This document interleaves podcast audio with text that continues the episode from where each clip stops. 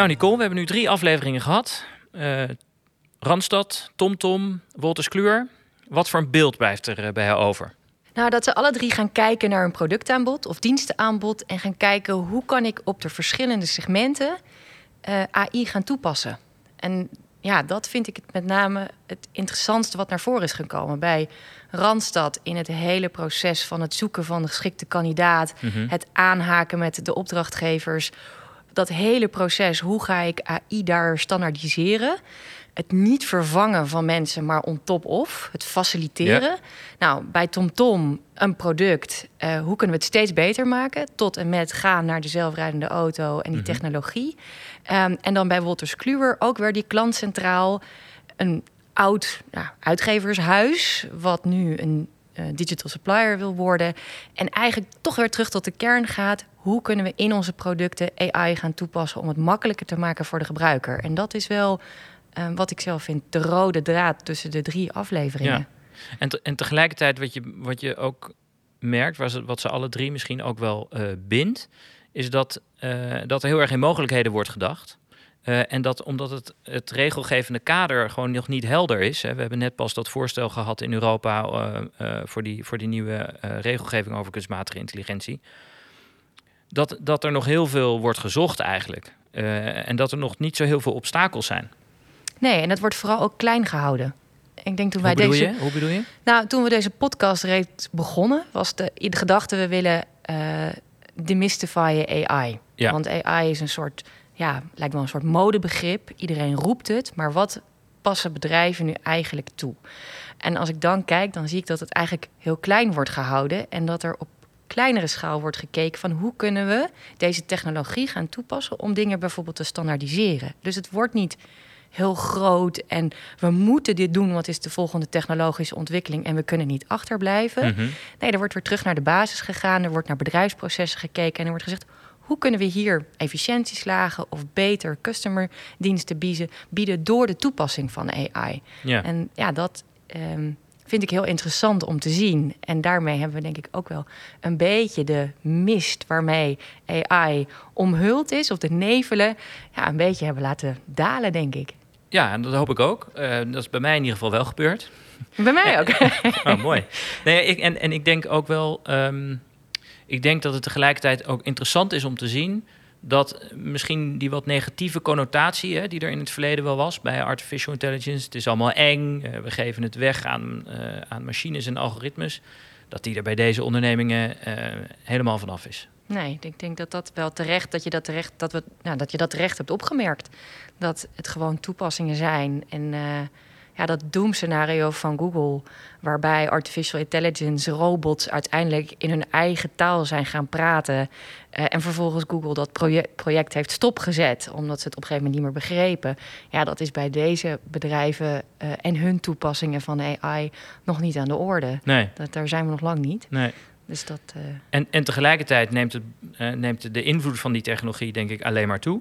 Um, dat merken we bijna niet eens. Maar we merken wel dat die technologie steeds slimmer en handiger wordt. En dat komt door kunstmatige intelligentie. En aan de andere kant hebben we, uh, hè, want uiteindelijk moet je daar toch, als je daar naar jurist, als jurist naar kijkt, zijn er nog een hele hoop vragen onbeantwoord. Ja, dat klopt. Ik denk toch nog steeds dat de privacyvragen, hè, het toepassen van AI en de vragen over geautomatiseerde besluitvorming, profiling. Vooral als je daar naar klanten gaat kijken, naar burgers, naar de consument. Ja. Uh, maar ook de nieuwe regelgeving die er aankomt. En zoals Tom Tom zei, wordt het meer een keurmerkregelgeving? Of gaat het echt fundamenteel wat veranderen? Hè? Krijg je AI met een soort stempeltje erop? En als je maar aan die regeltjes voldoet, dan is het prima. Um, ja, die kant. En vervolgens is ook het morele dilemma's wel. Hè? Het bias, um, het feit dat we onderworpen worden aan systemen die iets over ons gaan vinden, die een beslissing over ons kunnen gaan nemen. Um, die menselijke tussenkomst, dat blijven allemaal uitdagingen.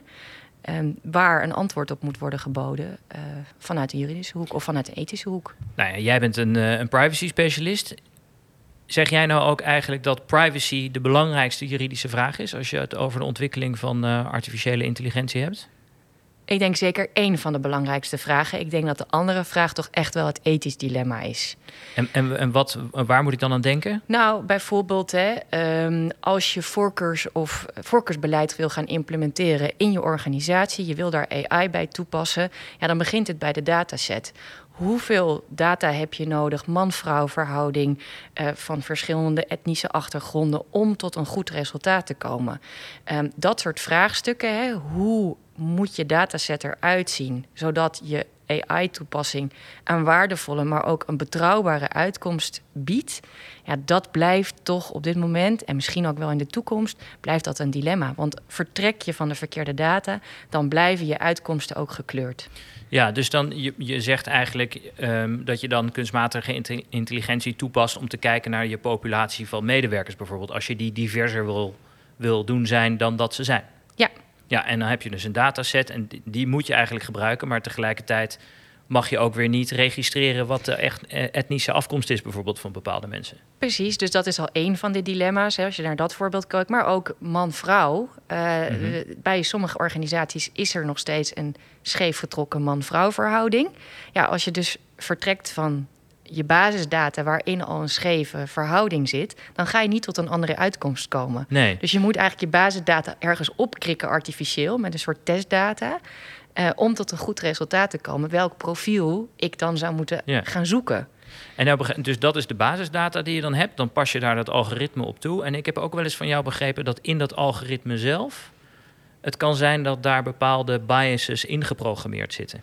Ja, want het zijn wiskundigen die. Hè, er, wordt, er worden allerlei prijzen uitgereikt in Amerika op de universiteiten om algoritmes te schrijven. Mhm. Dat is mensenwerk. Het zijn wiskundige formules. Dus ja, die mensen die kunnen ook door een bepaalde vooroordeel. Kan er in de formules kan er gewoon ook een vooroordeel zitten. En dat blijft zich dus de hele tijd herhalen. Ja. Dus dat klopt. Ja, dus hoewel die uh, technologie uh, een, een, deel van de beoordelingstaken uh, van mensen eigenlijk overneemt, zit, zit toch ook de menselijke hand dus aan het begin uh, ingebakken. Dus je moet als, hè, als mens of als organisatie die die technologie toepast, daar altijd alert op zijn. Ja, die menselijke tussenkomst blijft op een aantal aspecten gewoon cruciaal. Of het nou de AI zelf is, maar ook bij de beoordeling van de morele of juridische dilemma's die met de toepassing van AI binnen je bedrijf te maken hebben. En als je dan kijkt naar het juridisch kader ja, we hebben eigenlijk al een robuuste wetgeving, namelijk de GDPR of de AVG. Um, alleen dat zijn open normen en bedrijven kunnen daar keuzes maken. Dus bij de verwerking van persoonsgegevens binnen het kader van AI kan je zeggen: ga ik voor de rare naleving van de GDPR voor een 9 of een 10? Ja. Of ga ik toch meer de grenzen van de regelgeving en ga ik voor een 4,5, een 5? En zijn dat keuzes? En dat zijn commerciële keuzes, want dat heeft te maken met geld verdienen. Ja. Uh, maar het is ook soms het moreel kompas waar je als bedrijf op vaart. Wat voor soort bedrijf wil je zijn? Wil je een privacy fighter zijn? Um, of wil je meer op de achtergoede blijven en denken: ja, ik blijf een beetje verbergen en ik ga voor die 4,5 of 5 voor GDPR-naleving. Dus eigenlijk moet je daar als organisatie eh, vanaf begin af aan een hele principiële keuze in maken. Wat wil ik met die technologie doen? Hoe verhoud ik mij als organisatie tot de verschillende dilemma's die het gebruik van die technologie uh, met zich brengt? Uh, en daar je, uh, je hele bedrijfsvoering op afstemmen. Ja, als ik kijk naar de drie sprekers die we hebben gehad, dan blijkt toch wel het kernwoord embedden in je organisatie te zijn.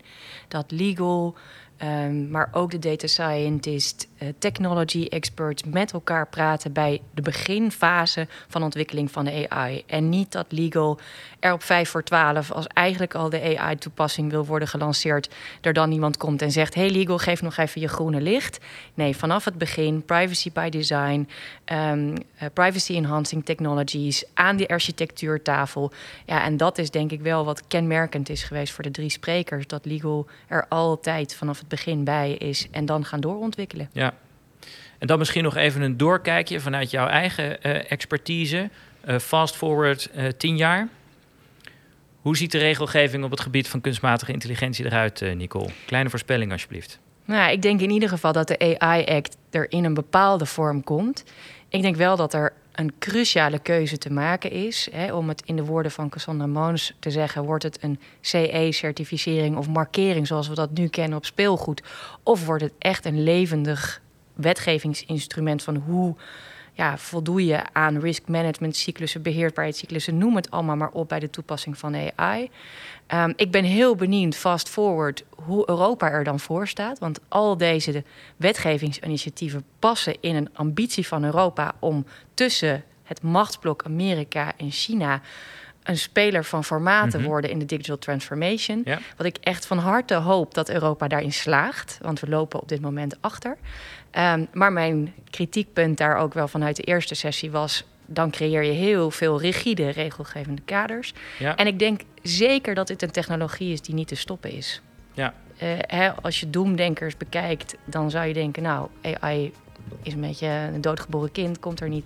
Maar ik denk dat het er wel degelijk komt en dat we het op allerlei toepassingen in onze samenleving gaan tegenkomen. En minder of meer transparant. Want dat is uiteindelijk wel een toverspreuk dat AI transparant moet worden. Ja, wat dat ook mag betekenen natuurlijk. Wat dat ook mag betekenen. Maar goed, volgens mij hebben we in deze podcast wel uh, duidelijk gehoord dat uh, AI al breed wordt toegepast. Uh, is here to stay, zeg jij.